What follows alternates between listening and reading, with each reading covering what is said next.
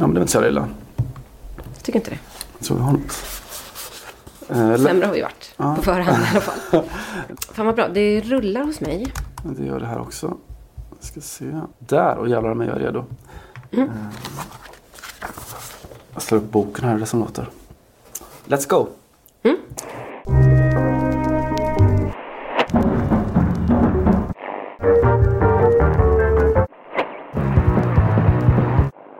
Nej, nej, sa fasten föraktfullt fast det uppenbarligen inte var honom hon föraktade. Nej, jag har redan klargjort för er att själva mitt utgångsläge är att jag inte har satt min fot där ute. Det behövs bara två timmar, sen är till och med jag nog nivellerad för att bara duga till det där gråbruna som folksamlingar består av. När jag kommer till himlen och stiger fram inför vår Herre, licentiaten, då vill jag göra det med Svenska Dagbladet i handen och min individualitet i behåll. Arne Sand, Väderkvarnarna. Eh, mest känd, eller inte alls känd, men borde vara mest känd som den svenska modernistiska roman med den bästa första meningen. Eh, den som börjar med meningen Låt en konstkritiker heta Donald Johansson. Men eh, ingången såklart, Johanna Frändén, när du möter Gud fader eller vad det nu kan bli. Vad vill du ha under armen då? Jag kände ju att eh, Svenska Dagbladet var ju faktiskt inte en dålig eh, idé. Eh, spontant. Ch- Schibsted-kompatibel också. Ja, man gillar ju signalvärdet i det, gör man absolut. ja. Kommer du ha din individualitet i behåll känner du? Eh, ja, hur lyckas man med det då? Eh, när man möter sin skapare. Jag tror att om du hänger ut en tio år eller så, så kommer du kanske ha din individualitet i behåll genom att bära Svenska Dagbladet under armen.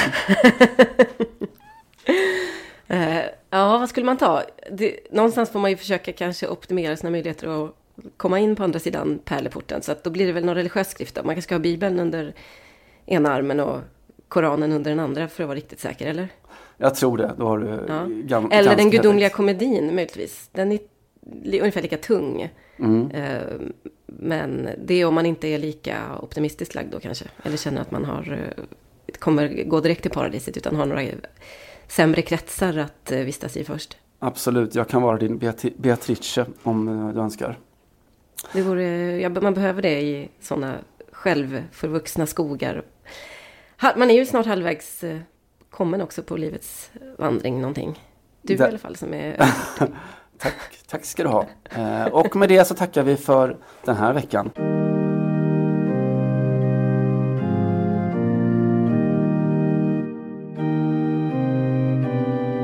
Nej, det gör vi inte. Vi säger välkommen till eh, Fotboll Radikal och eh, gör väl det som vi brukar. Eh, att Simon Bank frågar Johanna Frändén vad har hänt sen senast? Har du någonting nytt? Eh, vad har hänt sen senast? Jag har lämnat eh, fosterlandet till, för grannlandet faktiskt, var i Norge, TV2. Mm. Eh, och eh, man kan säga att jag, eh, jag eh, fanns med som någon form av PSG-sufflös i deras eh, sändning. Det är väldigt speciellt det här med eh, Norge eftersom Premier League är så otroligt dominerande i, ja, i, i liksom hela deras fotbollskonsumtion.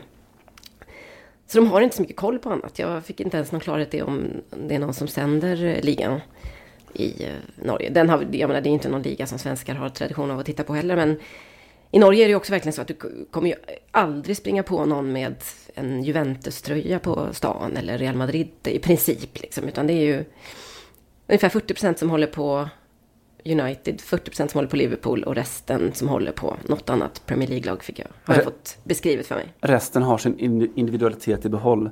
Nej, jag blev... Ja, för ni håller på Tottenham nämligen. Ja, just det. Jag blev guidad in i just den världen eh, för något år sedan av min vän Per Jarle Häggelund, eh, känd svensk, eh, då, eller svensk, norsk, eh, gud han kommer hata mig, norsk, norsk, Per Jarle är norsk, eh, då fotbollskommentator var han och eh, en av dem som eh, brann för den italienska fotbollen. Och han visade mig på sin dator, det var någon, någon, någon kväll, kanske söndagkväll eller så. Eh, och visade på, jag tror det var Vegel, men i Dagbladets live-rapportering från internationell fotboll. Där man också kunde, då kunde se hur många som, som följde olika matcher tror jag. Och då var det så här, Milan mot Inter tror jag eh, följdes av 12 personer och eh, för den gick mot Stoke Hull eller något åt det hållet som följdes av två och en halv miljard människor. Ja. det är också så här lite frestande när man sitter där. För att jag, i ett svenskt sammanhang, nu är vi väldigt bekanta med PSG på grund av Zlatan såklart, men också mm. för att det är ett Champions League-lag. Så även om inte folk tittar på franska ligan vecka ut och vecka in så kan man ju ändå, ja, man kan ju laget skapligt. Eh, I Norge är inte det någon skam att liksom inte ha någon koll på PSG eller inte ens kanske vara så insatt i PSG som, som Champions League-kombatant. Så man, jag fick nästan den här lilla så här, tvångstanken att nu ska jag bara hitta på en massa grejer. Ingen kommer syna mig liksom. Mm. Och, för jag fick mycket frågor, vad har hänt i klubben och mm. vad har du att säga om deras mittfält och varför har det blivit så här? Och Kylian Mbappé, vad kan man säga om honom och så. Så jag, jag hade sånt guldläge att bara eh, fabricera. Du kunde bara nä nämnt att de är Qatar-ägda Qatar som är kända för att ha världens bästa olja. Och se hur det landar. Just det. Ja, precis. Det blev faktiskt en situation där eh, jag satt med Brede Hangeland, gamle Fulham-kaptenen mm. och eh, fantastiskt eh, genomsympatisk eh, människa. Norsk helt enkelt. Norsk, precis. Ja. Och hans stol var, gnisslade lite grann. Han sa så här, vi måste olja den här. så är det, jag har, hört att ni har olja här i Norge, så det borde väl gå. Mm. Så plockar man så enkla grannpoäng. Ja, Nej, men det är fantastiskt. Det är väldigt roligt att vara med i uh, norsk tv och åka till Bergen, där de sänder ifrån då. Uh, det är faktiskt, uh, har jag ju konstaterat i veckan på Twitter, antagligen Nordens trevligaste stad. Ja, den är där uppe. och i allt. Ja, nej, men det är väldigt, väldigt familjär stämning, så att alltid kul att åka dit. Och där fick du all, alla världens göteborgare emot dig, antar jag? Ja, jag, jag drog in Göteborg i, i, i, ekvationen. Men min teori var ju mer att det är lite grann som Göteborg, att ju regnigare desto större leenden. Och det var väl ganska många göteborgare med på. Men det var inte riktigt, det var inte superpopulärt att eh, liksom påstå att inte Göteborg skulle vara Nordens trevligaste stad. Nej, då blir det otrevlig stämning helt plötsligt. Ja, typisk göteborgsk stämning. Just det. Eller ogöteborgsk stämning kanske. Just det. Eh, Vad har du gjort? Jag har väl egentligen sen senast eh, den live-fotboll jag konsumerat har ju varit eh, Malmö mot eh, Chelsea eh, såklart. Vilket var en fin upplevelse. Lite för svagt resultat för att man riktigt ska kunna åka till Stamford Bridge och, och, tro på någonting. Eller lura sig att tro på någonting. Eh, mm. Det kommer bli tufft såklart. Men eh, Sarri var i Malmö, bara en sån sak var ju kändes ju stort. Den matchen var väl, eh, det, det signifikativa ögonblicket var väl när Chelsea gjorde sina byten i andra halvlek och skickade in spelare värda sig sådär 3,5 miljard, vilket väl är en, en tiondels eh, Öresundsbro ungefär tror jag. Eh, Just det.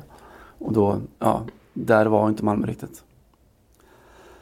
Eh, men fint det var det. Roligt. Mm. Ja, och det, är ändå, det finns ju ändå en känsla av att det inte är stendött inför returmötet. Det var väl enda, den enda rimliga förhoppningen man kunde ha egentligen på matchen. Ja, det går, det går nästan att lura sig till att det skulle eventuellt kunna, eh, om tuppen gal och vinden vänder och kyrkklockan slår och sådär, att det skulle kunna mm. hända något. Men det kan det förstås inte, men, men, eh, men det är i alla fall inom lögnavstånd, sådär, inom självbedrägeri avstånd. Eh, så man får vara nöjd med det lilla. Nej, det, är, det är gamla avståndet. Mm.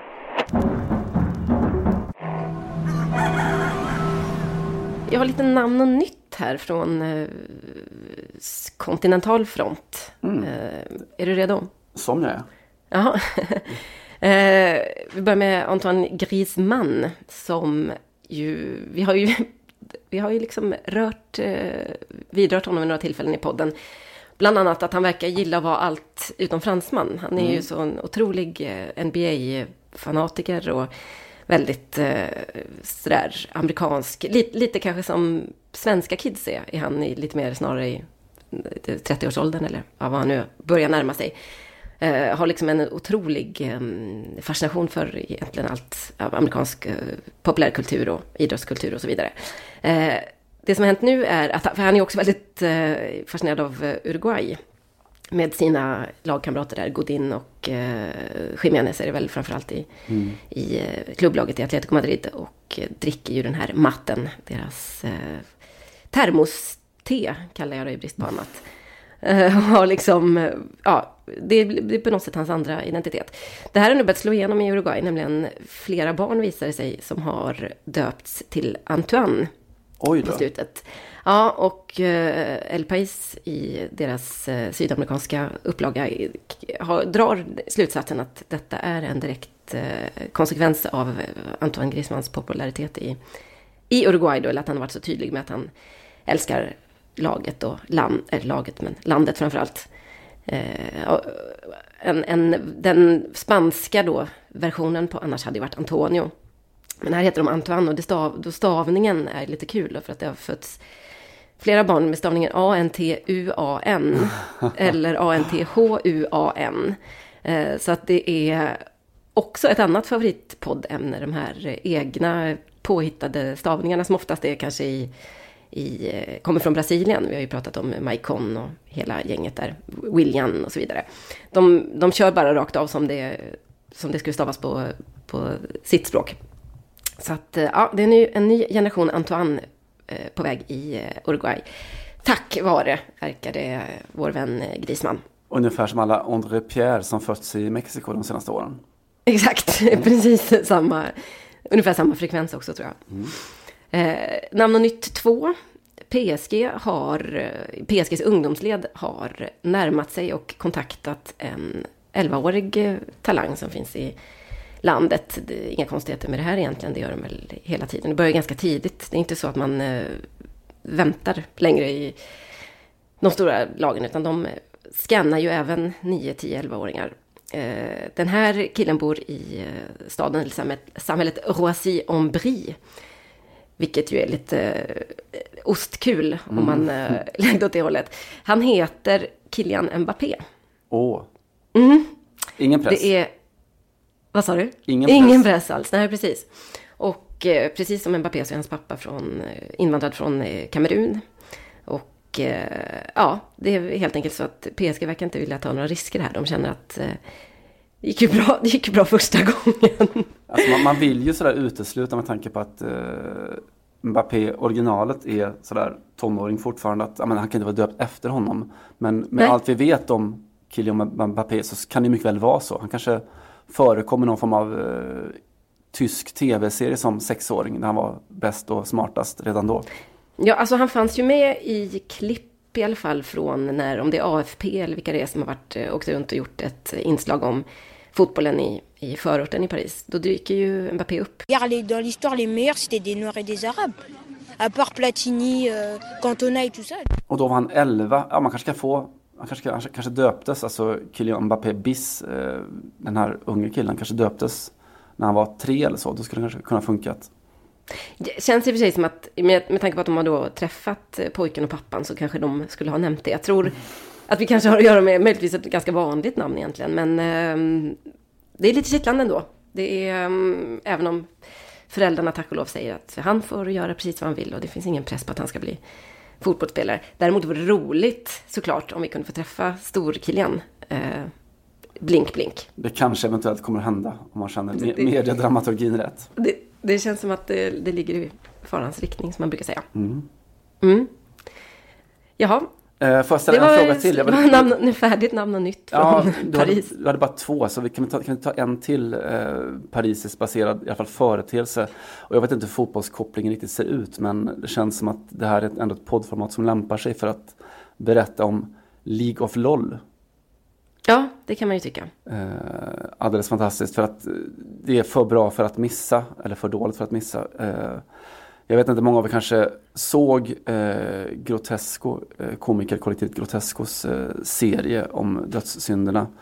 Där de tog upp hur, eh, de gjorde satir av hur manliga komiker i en sammanslutning då ser till att kvinnliga komiker inte får komma till tal, så inte synas och inte lyckas. Den här skiten som du säger till mig om att det inte bara är att så här, eh, häva ur sig lite sköna idéer, man måste leverera också. Fan, Tror du att jag är dum i huvudet eller? Nej, kanske, jag vet inte. Och det där kunde vi skratta om och jag vet att eh, nu minns jag inte vilken, men någon annan eh, kvinnlig komiker sa att jo men det där var ju kul och, och briljant på jättemånga sätt men problemet är att det här ligger ju ganska nära sanningen. Eh, mm. Och vad har ni manliga komiker egentligen gjort för era kvinnliga kollegor och så? Eh, och nu i dagarna så har då en, en stor härva skandal exploderat i Frankrike eh, som avslöjat att en, jag tror det var Facebookgrupp väl, eller möjligen Twitter. Eh, ja, det var väl en Facebookgrupp. Jag tror att de har haft lite olika typer av eh, forum, men Facebook var en utgångspunkten. Just det. Eh, de har, de har ju setts i IRL också såklart. Just det, ett gäng manliga journalister som då alltså under väldigt lång tid, alltså vi snackar nästan tio år och sånt där va? Ja, precis 2009, ja exakt tio år var det väl. Samverkat för att driva med och trakassera kvinnliga journalister. Eh, på, på oerhört alltså förnedrande, förnedrande sätt. De har verkligen startat drev och, och eh, gjort så här fejkade intervjuer och, och allt möjligt. Eh, vilket har lett till att flera ganska profilerade journalister på bland annat eh, Les Inrecuptibles, ett fantastiskt veckomagasin med populärkulturell inriktning. Och Libration tror jag också eh, mm. fått sparken. Eh. Två så superprogressiva mm. publikationer för övrigt. Och som också då, eh, de som har hängts ut har sagt att men, det, det, var mest bara på kul. Det var ett skämt som kanske gick lite, eventuellt gick lite för långt. Mm. Eh, men det är en helt eh, fantastisk historia. Den är liksom lite för, för bra för att vara sann nästan. Ja, precis. Alltså det, är, det är ju exakt så man hade karikerat det hela om man hade varit tvungen. Och lite det som Grotesco gjorde också. Mm. Eh, kan uppskatta tydligheten i att det verkligen var så här. Vi har en grupp där vi ska förstöra livet och karriären för kvinnliga kollegor för att de hotar våra positioner. Det är i princip det som de har sagt, eller det är det som har kommit fram i alla fall. Eh, och någonstans så tror jag att som kvinnlig journalist eller som kvinnlig sportjournalist, vad du vill, så vet man ju att det här förekommer på mycket mer subtilt sätt förstås i eh, alla länder och eh, finns förstås i Sverige också utan, utan att någon anser något annat än att det är på kul eller ja, det var liksom, det var bara lite skämtsamt. Det blev en grupp och man skämtade lite om några och så vidare. Eh, här, det, det, som är väldigt bra med det här exemplet är att det är så otroligt tydligt hur ingen har vågat eller velat att säga stopp. Eh, eller, eller ens liksom dra sig ur, utan det har bara blivit...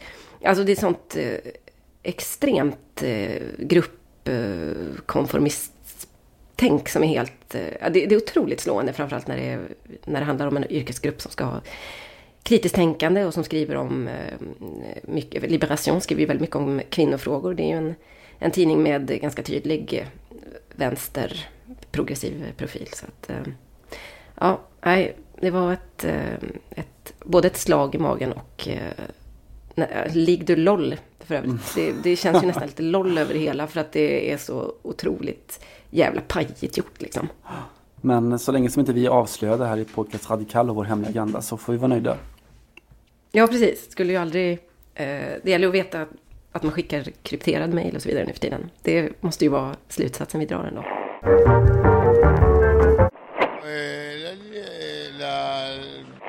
Så här Simon lät det igår i franska Kanal Plus, eh, programmet eh, Kanal Fotboll Club. Uh, tu vois, voilà, voilà, j'ai eu le burn-out.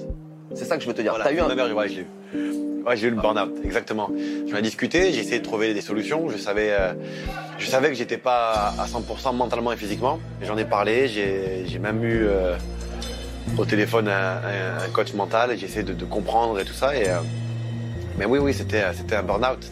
Detta är alltså fotbollradikal-favoriten, får vi säga, Adil Rami. Eh, Marseilles och det franska landslagets mittback som eh, berättar i en intervju om att hans eh, liv och hans hälsa blev eh, ganska förändrat efter VM-guldet i somras. Han berättar rakt av att han har blivit utbränd. Han har gjort en burnout, som det heter på franska. Man använder då det engelska ordet. En burnout. Och det är intressant av väldigt många skäl. Då. Bland annat så säger Rami att han, att han upplevde att han blev väldigt eh, känd, igenkänd och väldigt populär under VM. Han, är ju, han spelade ju faktiskt inte en enda minut eh, under hela mästerskapet. Han var den enda i den franska truppen som inte fick någon speltid alls. Men han blev ändå någon form av frontfigur för det här laget och sammanhållningen och sådär. Och eh, dök upp eh, väldigt mycket i media efteråt och ställde upp liksom i princip på, på alla intervjuer kändes det som. Och berättade om eh, hyss och sådana där roliga fotbollsbus som de hade ägnat sig åt för att få tiden att gå under, under mellan matcherna och så i Ryssland. Han säger då att den här populariteten blev liksom, han säger väl inte att den blev en drog, men att det, det, det blev en uppenbarelse för honom. Och eh, att han, man blir liksom rädd för vad som ska hända sen så han tog väl alla chanser han hade. Eh, sen hade han tio dagar ledigt innan försäsongen drog igång med Marseille då. Och eh, var, blev, alltså började känna symptom på utbrändhet. Eh, han, han, blev väldigt kritiserad under hösten och spelat eh, väldigt dåligt. Säger själv att han, eh, han hade ingen ork, han hade liksom ingen vilja, han orkade inte markera motståndare, han kände ingen hunger eh, på fotbollsplanen. Dessutom så säger han att han blev eh, väldigt lätt irriterad, aggressiv mot folk som kom fram och ville ta bilder och, och sånt där. Det blev ju väldigt mycket sånt förstås efter VM. Han säger att han blev otrevlig mot sin närmsta krets och sina medmänniskor. Så sänder man ju givetvis en liten tanke till Pamela Anderson. Och eh, till och med att han började tappa sinnen. Alltså han, han säger att jag kände inte lukten av fotbollsgräset till exempel. Det bara försvann. Och eh, nu är han på väg tillbaka. Han har varit skadad ett tag och säger också att eh, den här skadan var en, en, en välsignelse. Han behövde bli skadad för att komma bort från fotbollen. För han kunde inte spela fotboll helt enkelt längre. Han, han blev utbränd då.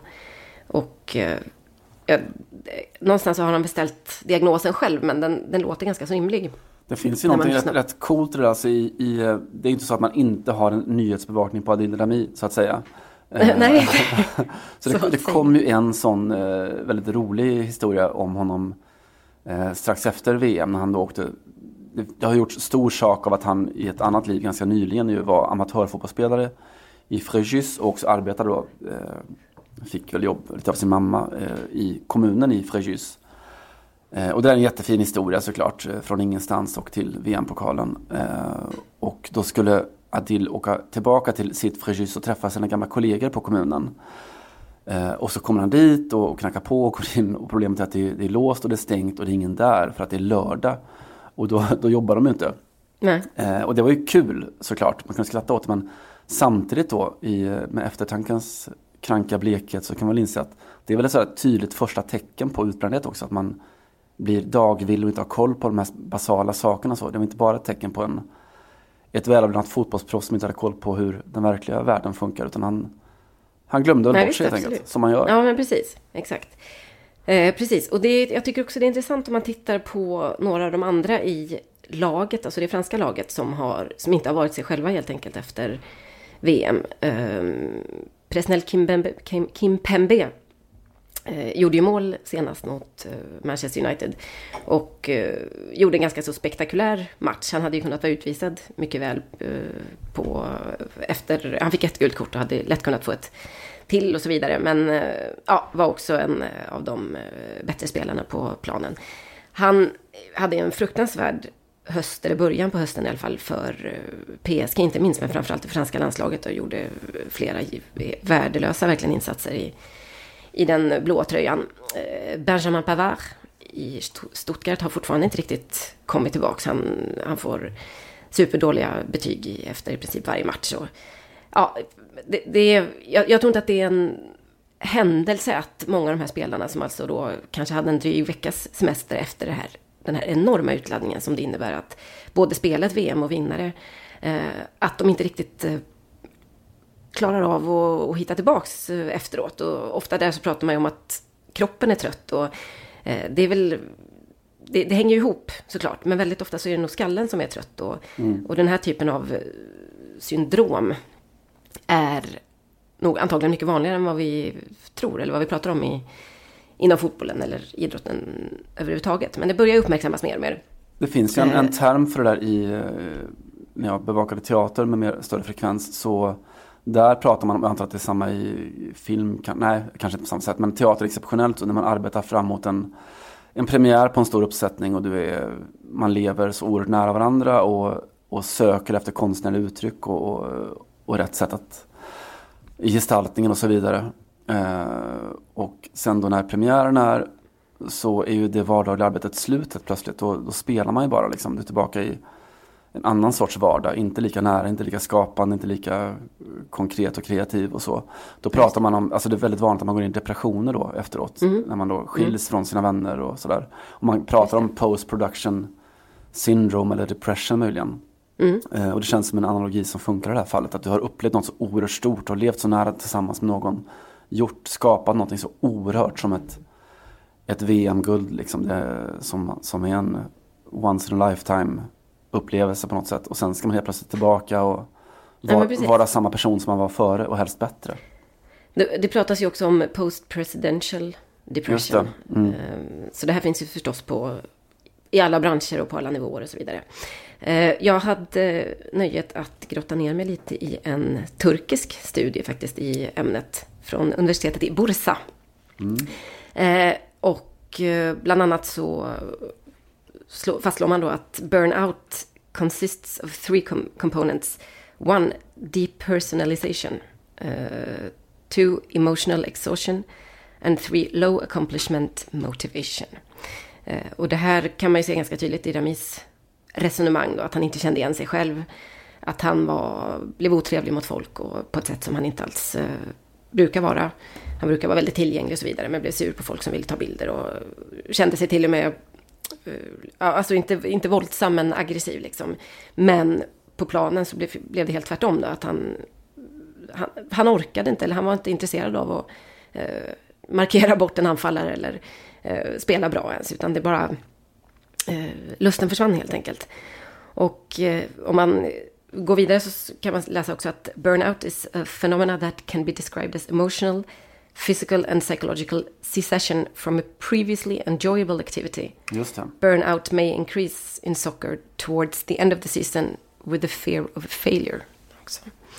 Så det är en, eh, ett eh, symptom eller ett syndrom, vad man nu vill kalla det, som också kan inträda när man börjar närma sig ett, ett mål då, eller kanske ett, i slutracet i ligan. Men framförallt det här att man tidigare, alltså något man tidigare tyckte varit roligt jobbet och så vidare, blir inte det längre. Och ibland har det ju pratats om att ut, jag vet inom eh, socialpsykologin så pratar man om att utbrändhet är brist på respons. Eller, mm. ja, det, nu tar jag det rakt i huvudet från sociologi A. Men jag vet att man pratar om detta. Att, eh, och att därför till exempel är kanske många inom vården och så vidare som blir utbrända för att man, man känner att man får ingen uppskattning för mm. det man gör. Alltså man får ingen respons på det man gör. Det är bara liksom en, en lång radda av uppgifter som, som måste göras mer än att, eh, ja, alltså man, man kanske får respons från en patient och så vidare. Men, men, men det finns liksom ingen, ehm, det finns inget, eh, inget annat värde än att bara underhålla på något sätt då.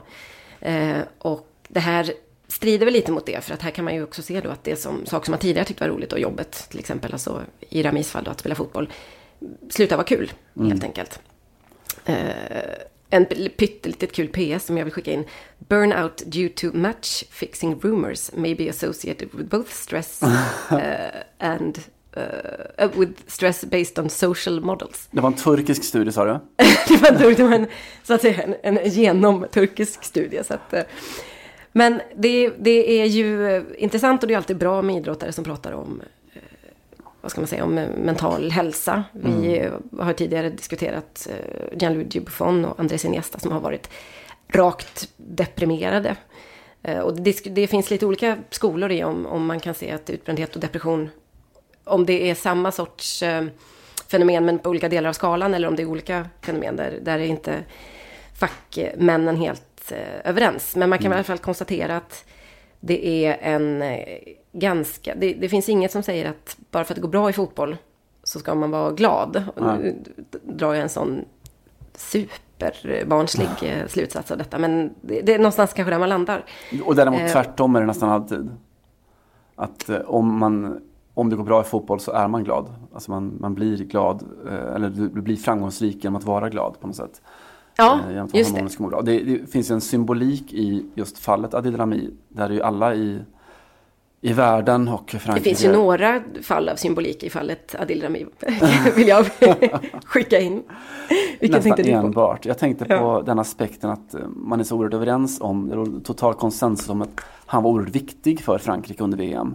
Just det. Som du sa, noll spelade sekunder men han var den som fick alla att må bra. Han var klassens clown. Han såg till att, eh, att medierna var positivt inställda även i början och så genom att vara charmig, bra, varm, kärleksfull, härlig, kul och så vidare. Men sen när Adil behövde samma hjälp själv på något sätt, han behövde någon som såg till att han mådde bra, då fanns, ja Pamela fanns ju såklart, men kanske alldeles för få andra då.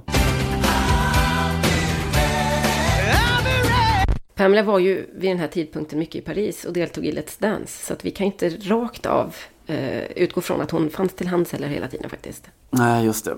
Eh, hemskt. Let's Dance Jaha. killed eh, Olympic Marseilles säsong. Hur som helst så är det, det, det finns en del, eh, det finns ganska många exempel på vad man skulle antagligen kalla utbrändhet i, om man hade liksom verkligen satt en, en diagnos på det inom fotbollen och, och idrotten överhuvudtaget. Men eh, det här är väl nästan första gången som man hör en spelare på så pass hög nivå ta ordet själv i, i sin mun. Han säger, uh, säger han burnout. Det mm. var exakt det som hände. Och uh, den här känslan också av att det är skönt att bli skadad. För nu kan man liksom komma ikapp sig själv på något sätt. Och nu har han lust att spela fotboll igen. Och jag tror, jag tror inte att det är liksom- helt ovanligt att, att professionella fotbollsspelare kanske fejkar en skada lite då. Nu var ju Adil Rami skadad på riktigt, får vi utgå från. Men, men att det blir en psykosomatisk uh, historia. Att, men jag, jag orkar faktiskt inte. Uh, och förresten mm. så är det lite jobbigt i låret just nu. Mm. för att man Nej, behöver den, den, tiden att, att själv läka och, och hela sig. Liksom. Just det.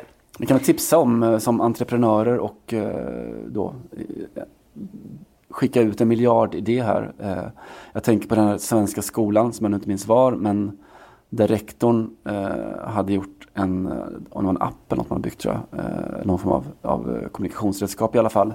Där alla elever varje dag får svar på frågan om de känner sig trygga i sin skola. Just det. Och kommer då, de märker att, men herregud, det är några, tre stycken i klass 8B eller så, som svarar nej på den frågan, då går man omedelbart in med åtgärder för att se över och undersöka vad som har hänt. Det skulle man kunna ha även i de stora fotbollsklubbarna. Så en frågan varje dag, mår du okej? Okay? Är allting bra? Känns det bra? Just det.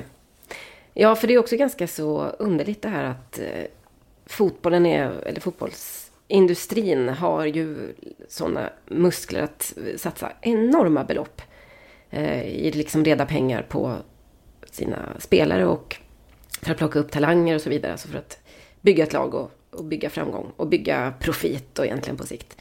Men här finns det en jättejättelucka. Alltså det är väldigt ofta de här spelarna som är drabbade på ett eller annat sätt får ta tag i det själva. Det, ser man, ju. det hör man ju också med Andres Iniestas historia. Att han säger ju bland annat att han förklarade för Pep Guardiola att jag mår inte bra, jag orkar inte det. Och då sa Pep att eh, kom när du känner för det och lämna träningen om du inte orkar och så. Men och väldigt ofta, jag vet inte exakt hur turerna var där, men väldigt ofta i de här fallen så är det ändå upp till spelaren själv att ta reda på vad det beror på och kanske själv liksom kontakta en psykolog eller en, en, eh, någon fackkunnig i alla fall för att få en diagnos helt enkelt.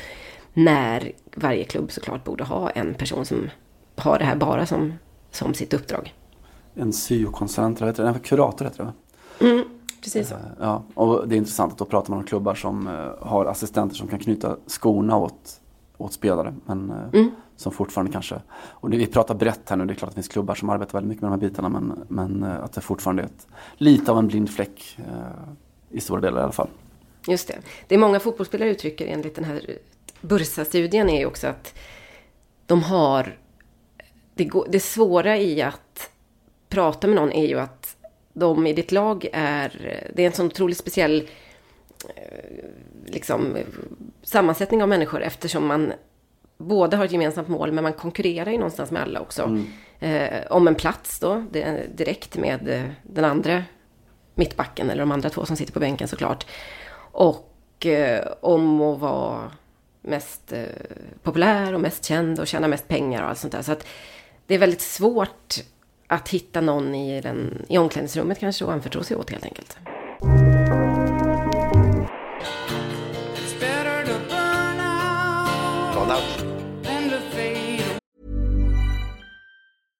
Hey, I'm Ryan Reynolds. At Mint Mobile, we like to do the opposite of what Big Wireless does. They charge you a lot, we charge you a little. So naturally, when they announced they'd be raising their prices due to inflation, we decided to deflate our prices due to not hating you.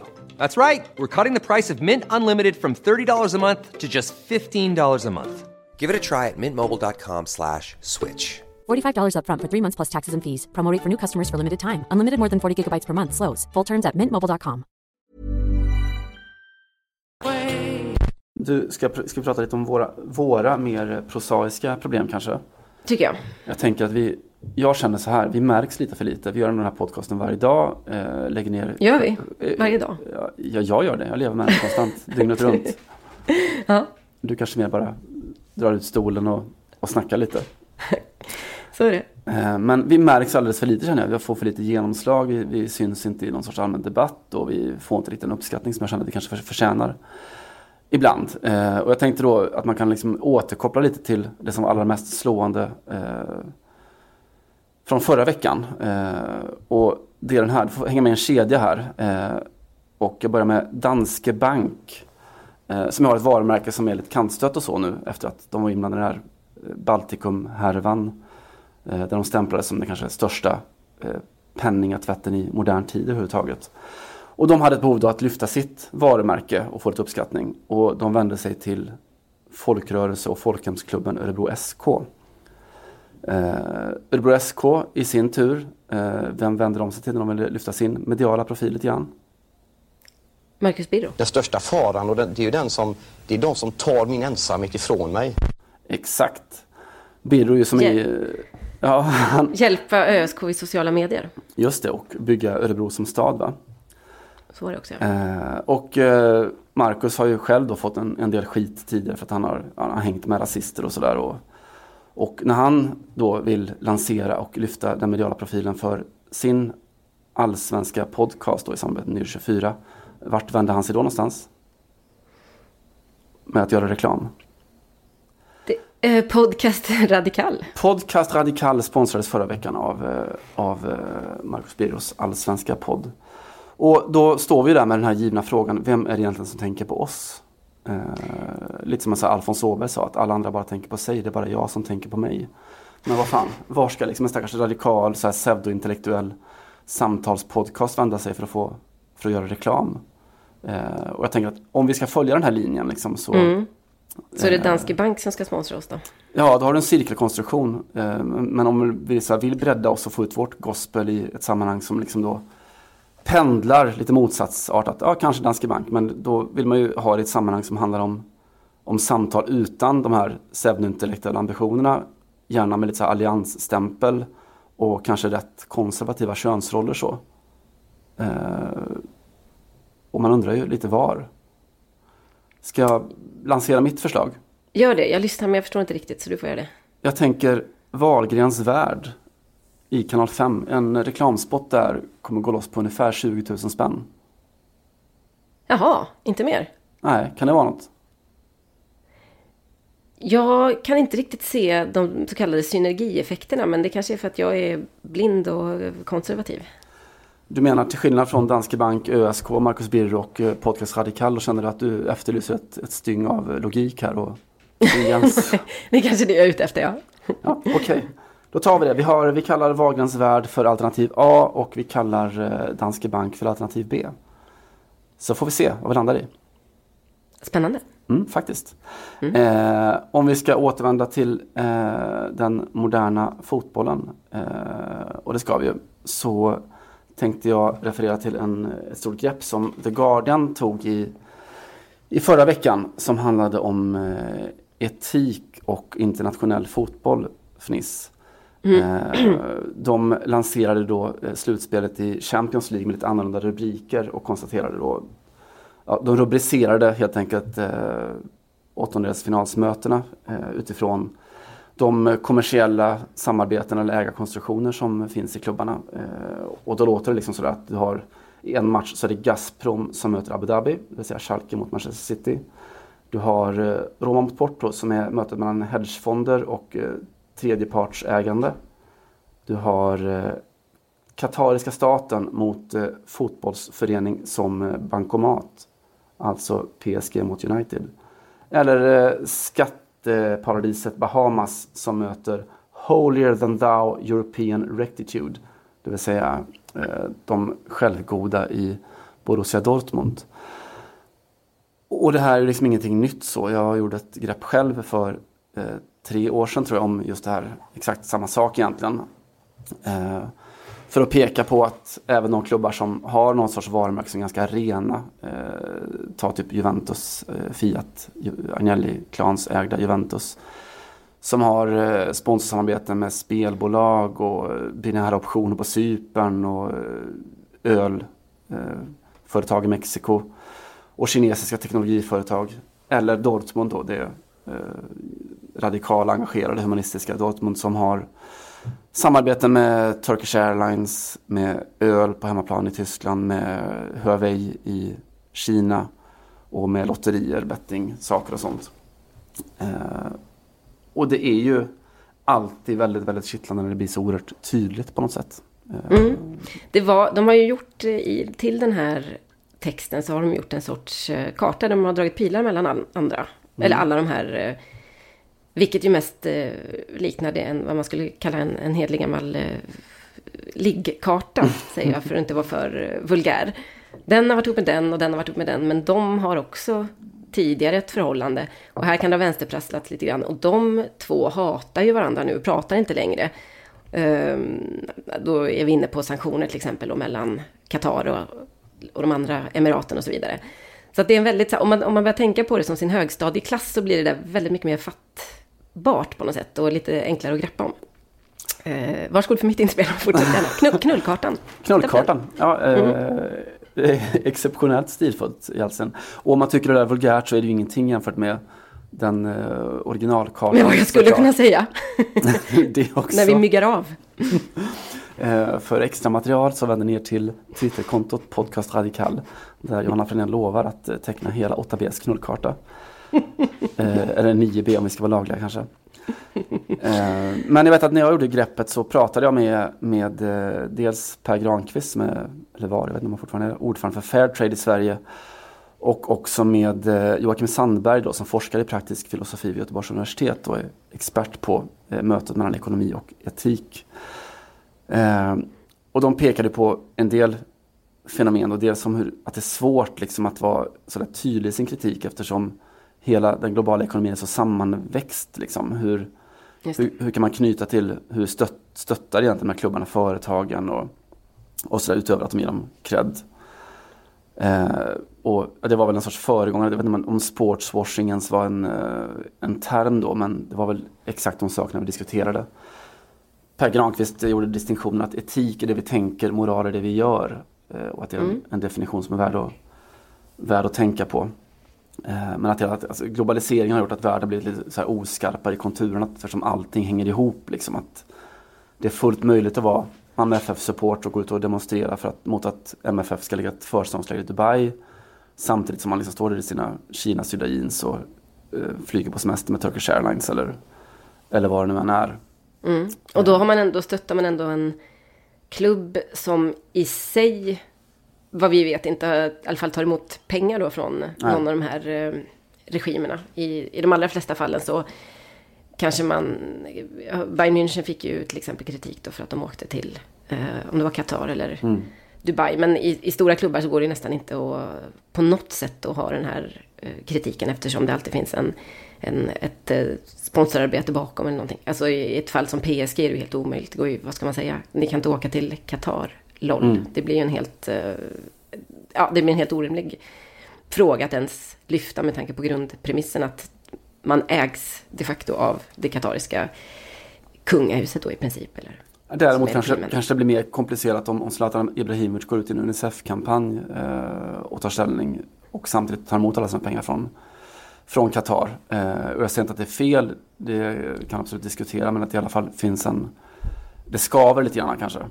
Mm. Eh, men att det är så att den nya världen har gjort sig oerhört svårt att ha en, en direkt linje. Och jag landar i någon sorts eti etisk diskussion i en 45 eh, år gammal kampanj som jag vill ta upp. Eh, L'Oreal, vad är deras slogan? Kommer du ihåg det? är det för att du är värd eller? Precis, because mm. you're worth it. en slogan som utöver då att den är väldigt slagkraftig och livskraftig har en ganska fin sån konceptuell historia, eller konceptionshistoria. Den uppstod eh, för 45 år sedan då, eh, i, alltså mitt under den amerikanska kvinnorörelsens stora heydays. Liksom, eh, feminismen växer fram och blir stark och kvinnorörelsen går på gatorna. Eh, inte på, går inte på gatan, men på gatorna.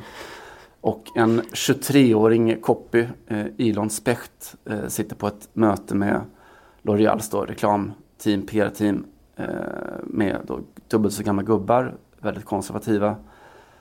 Och i en tid då den här normativa liksom, reklamen för skönhetsprodukter handlade om att det här är naturligt. Att ingen kommer se, ingen kommer avslöja din hemlighet. Eh, du är sminkad men du ser ändå, ändå naturlig ut.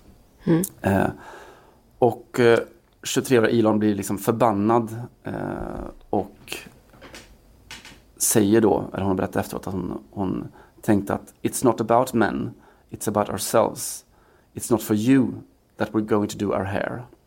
I'm not making my hair so you should like me. Och kampanjen landade då i att det handlar liksom inte om den manliga blicken eller om männen, eh, männens dömande utan, utan om hur det kändes för kvinnan. Eh, because you're worth it. Eh, och den landade i att L'Oreal fick väldigt många nya kunder. Bland annat då en grupp som man kunde se ofta var då äldre frånskilda kvinnor. Eh, som det talade till att du är värd det här. Mm. Och det, känns ju som att det nu är den alenarådande eh, copytexten på något sätt. Det finns liksom inget skönhetsmärke som inte använder sig av den typen av resonemang. Ju. Det handlar ju om att man, du ska må bra, du ska bli snygg och, och så vidare. Exakt så, för att då var den revolutionär och idag så är den, den talar till oss och vår tid på just exakt det sättet. För att om man liksom tar upp massa aktuella händelser, tar liksom Aftonbladets eh, avslöjande nu om om fackpamparna inom ledarna som åker på lyxresor eller med lyxbilar och gör det för medlemmarnas pengar eller hela den här influencer-miljödebatten. Eh, där nu senast Isabella Löwengrip då dels vill ha ett samarbete med Greta Thunberg för att bli mer miljömedveten. Samtidigt så far hon världen runt i flygplan och åker på weekendsemester i Doha. Eh, och sådär, eller för all del liksom den, den då, eh, psykologiska, ganska summariska analysen av eh, låt säga då eh, Cristiano Ronaldo eh, och anklagelserna kring att han har förgripit sig på, på kvinnor. Eh, och att man kanske landar i att men han har ju liksom, Ronaldo har vigt hela sitt liv åt träning och slit och han är liksom bäst i världen på det han gör. Han är med sina egna ord, han är snygg, han är rik och han är bra. Så varför eh, tar han för sig av kvinnor på det här sättet? Ja, because he's worth it. Mm. Eh, att det är liksom det man landar i, att man man tänker varför kan vi sno medlemmarnas pengar? Varför kan vi flyga till Doha på weekendsemester? Jo, för att jag jobbar så jävla hårt. Eh, jag har lyckats och jag är värd det. Just det. Det där är väl eh, precis det som Tiger Woods sa när han blev så att säga beslagen med eh, ett liksom, vad det var, 50-tal otrohetsaffärer. Mm. Att han upplevde att han hade satsat och offrat så mycket mm. av sitt liv. Så att det här var belöningen.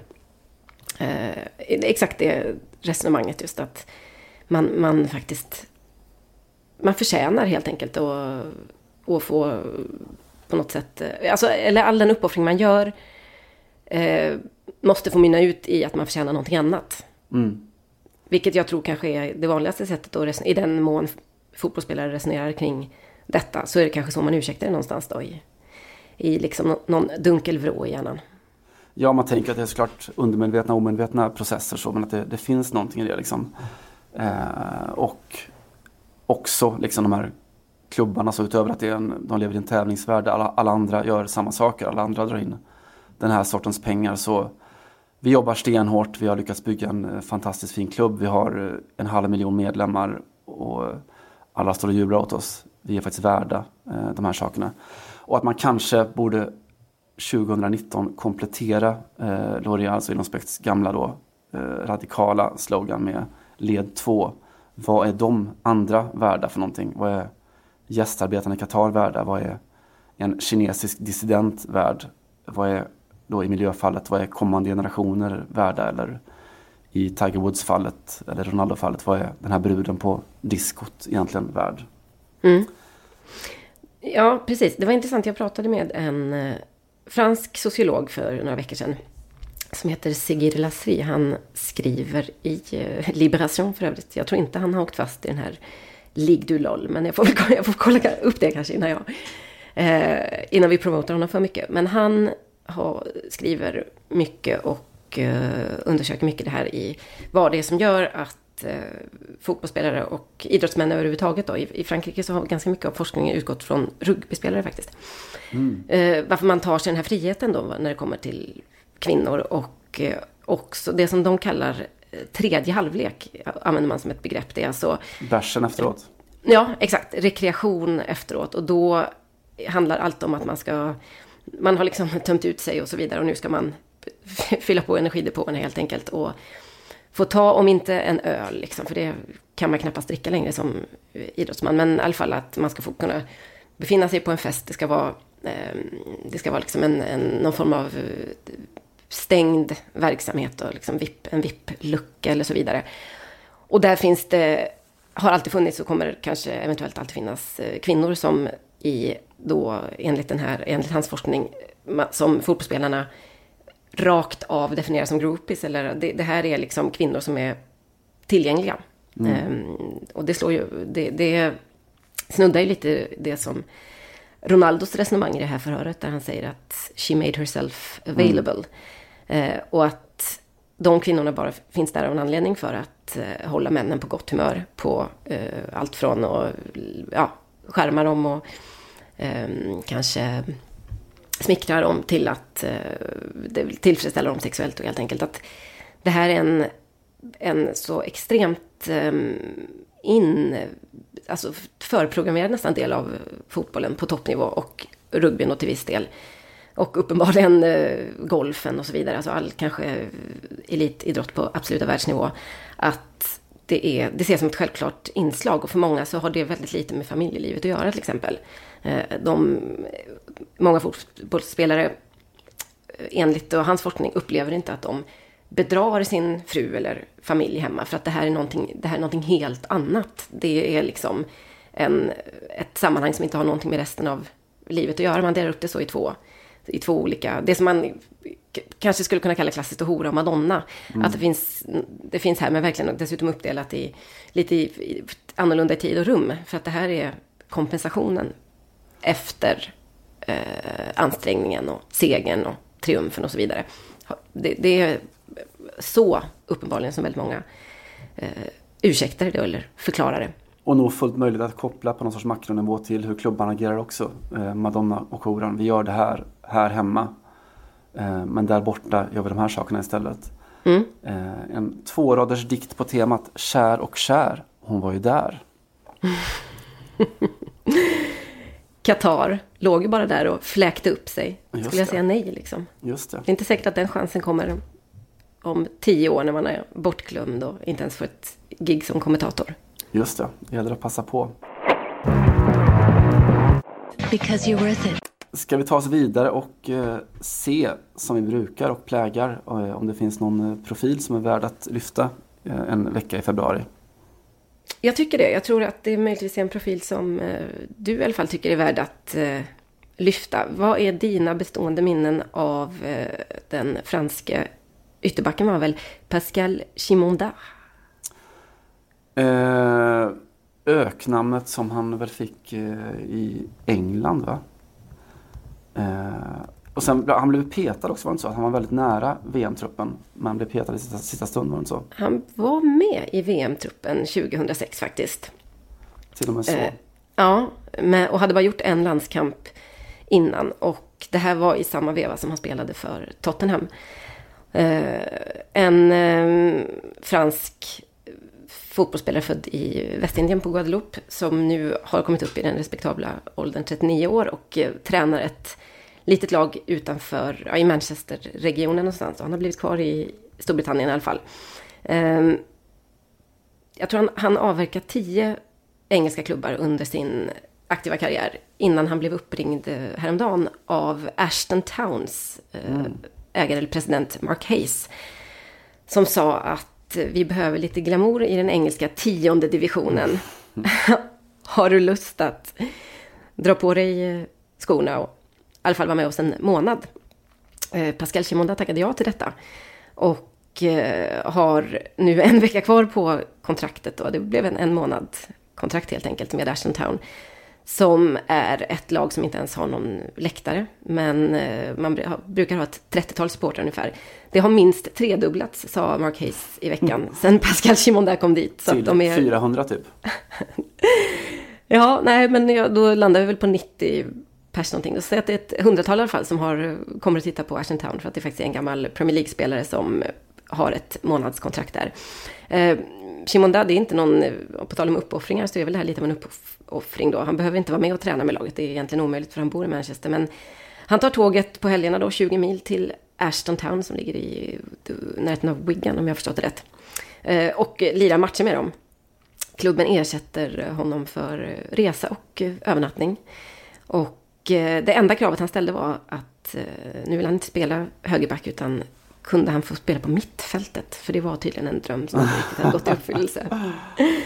Eh, snabba på, ni har en vecka, möjligtvis en helg kvar då att eh, lägga allt åt sidan, åka till Ashton Town och eh, se eh, denna mm, brittiska fotbollsinteriör eh, spela mittfältare då i det här eh, laget i den engelska tionde divisionen. Jag måste säga att jag visste inte att det fanns så många divisioner, men alldeles uppenbarligen är det så. Ehm, han älskar sporten så mycket så att det gick inte att tacka nej till detta. Och vad är väl 20 mil på ett tåg? Man hinner ju kanske lyssna på podcast Radikal till exempel. Två gånger kanske. Till och med, precis. Eh, det är veckans profil för att eh, det är fint att inte glömma de där som inte någonsin var i den absoluta världseliten men ändå tillhörde de här lagen. Och som eh, älskar sporten så mycket att eh, man inte tvekar att skriva en månads kontrakt utan någon ersättning annat än att få sova över och spela på mittfältet. Ja, man tycker ju om det faktiskt. Kärleken till sporten, jag tycker om att vi landar där lite grann. Mm. Det är inte varje gång man säger så. Nej, inte. Eh, Nej. Låt Ska mig... du eh, ja, Kultura oss. Ja, jag ska kultura. Jag tänker faktiskt dub, dub, dubbelkultura lite grann. Eh, och först eh, återkoppla till en, eh, ett ämne vi pratade om här veckan. Vi pratade om Tottenhams ägare Joe Lewis och hans konstaffärer. När han ju sålde världens Just den, David dyraste målning. Precis, den dyraste målning av en levande konstnär som någonsin sålts. För inte så länge sedan på, på Christie's. Och jag har också läst en text nu då om hur någon som spanat in i hans eh, hans tre miljarders yacht Aviva och sett hur... Menar där- du med det lyxjakt? Eh, det är precis vad jag menar. Just det. Detta ord. Mm. Eh, jag spelar med fotboll på Djursholms IP så att det är därför. Jag förstår. Eh, och den som, journalisten som kikade in på båten eh, såg då hur en eh, Francis Bacon triptykmålningen hänger där inne. Ja. På, på nedre däck. Och det är tydligen inte ovanligt att man har just då i den här überrika klassen att du hänger dina målningar på, på lyxbåten. Det ser snyggt ut. Eh, Francis Bacon vill jag faktiskt påstå för bara några år sedan gick som den då dyraste eh, tavlan i historien.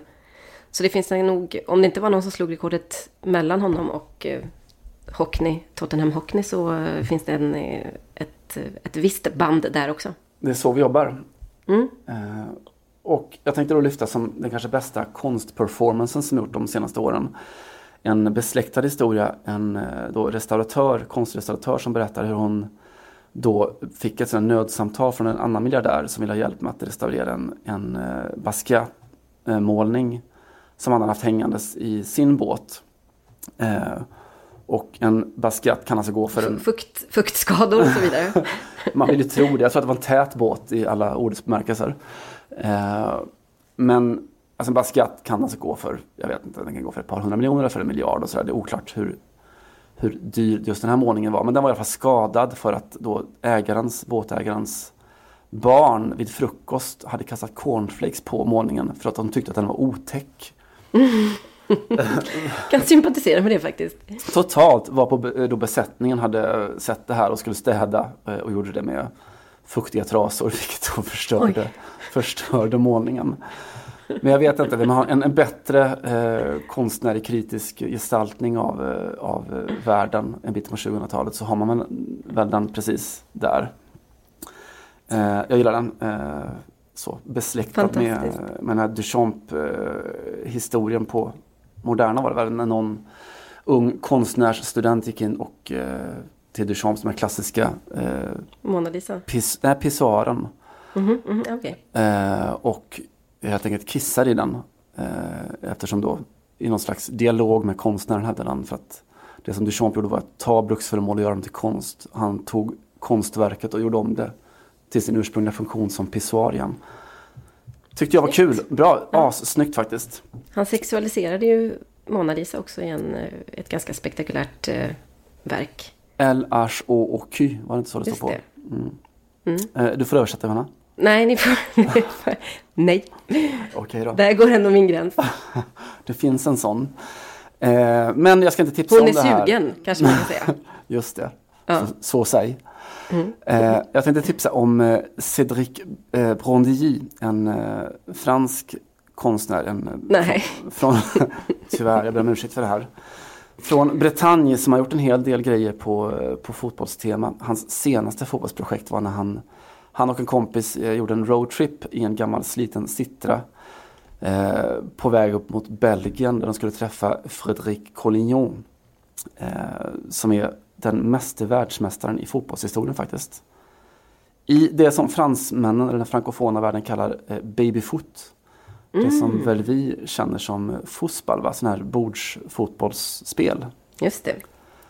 Eh, Eh. lite reservation för det franska uttalet. De säger ofta babyfoot. Babyfoot, varför Mm. då? Det var ett, eh, ett sånt där eh, återkommande ämne i skolböcker när de skulle beskriva lite vad ungdomar gör i Frankrike. Ah. Est-ce qu'on va jouer au babyfoot? Babyfoot, det är vackrare Mm. i alla fall. Ja, Eh, Collignon ses då som fotbollens Zidane. Han har varit totalt överlägsen när han drog sig tillbaka för en 5-6 år sedan någonting. Ett geni. Han finns massa YouTube-klipp om man ser på det. Men jag tänkte tipsa om ett annat verk av Prondy som jag då Eh, samtidigt eh, tycker väldigt mycket om och eh, hatar. Det är en videoinstallation där han då visar intervjuer med ett gäng. Och en av dem i den här intervjun säger så här. Det vi kallar känsla är en filosofi som följer den väg som initieras av Schopenhauer. Lär oss att förstå det som ett komplex av omedvetna förträngningar och stadier av vilja. Den som sa så här, eller säger så här, är Zlatan Ibrahimovic. Och det har ju Zlatan, aldrig sagt. Eh, han har ju aldrig citerat Schopenhauer, eh, mig veterligen i alla fall. Men det som Brondi har gjort i det här verket är att han tar då sådana här vardagliga efter matchen intervjuer med världens största fotbollsstjärnor, eh, Ronaldo och Zlatan och sådär. Och så har han eh, tystat ner dem, mutat dem och textat dem med just den här sortens filosofiska resonemang. Eh, man kan gå ut på nätet eller med fördel på Twitterkontot Podcast Radikal och se just den här intervjun med Zlatan som är efter en match med Toulouse tror jag, där han då resonerar kring den fria viljan till stor komisk effekt. Och som verk och koncept så är det inte as spännande och nytt och sådär. Det är något som, jag vet inte, situationisterna på 60-talet och Guy Debord och de här eh, jobbade en del med. Men det är ju också innehåller någon sorts klassförakt liksom. Titta, de här obildade skulle aldrig kunna prata filosofi på det här sättet. Men det är också någon sorts eh, så här förlöjligande av en, en eh, situation och så här ikonoklastiskt verk mot de i deras roller som auktoriteter som ändå är. Så det skaver men det är lite kul. Eh, Och eh, vill ni se hur det ser ut så kan ni surfa in på vårt Twitterkonto. Eh, jag ska se till att någon lägger ut det där. Det får bli eh, veckans kulturtips. Cedric Brondy och hans eh, videoinstallation. Då.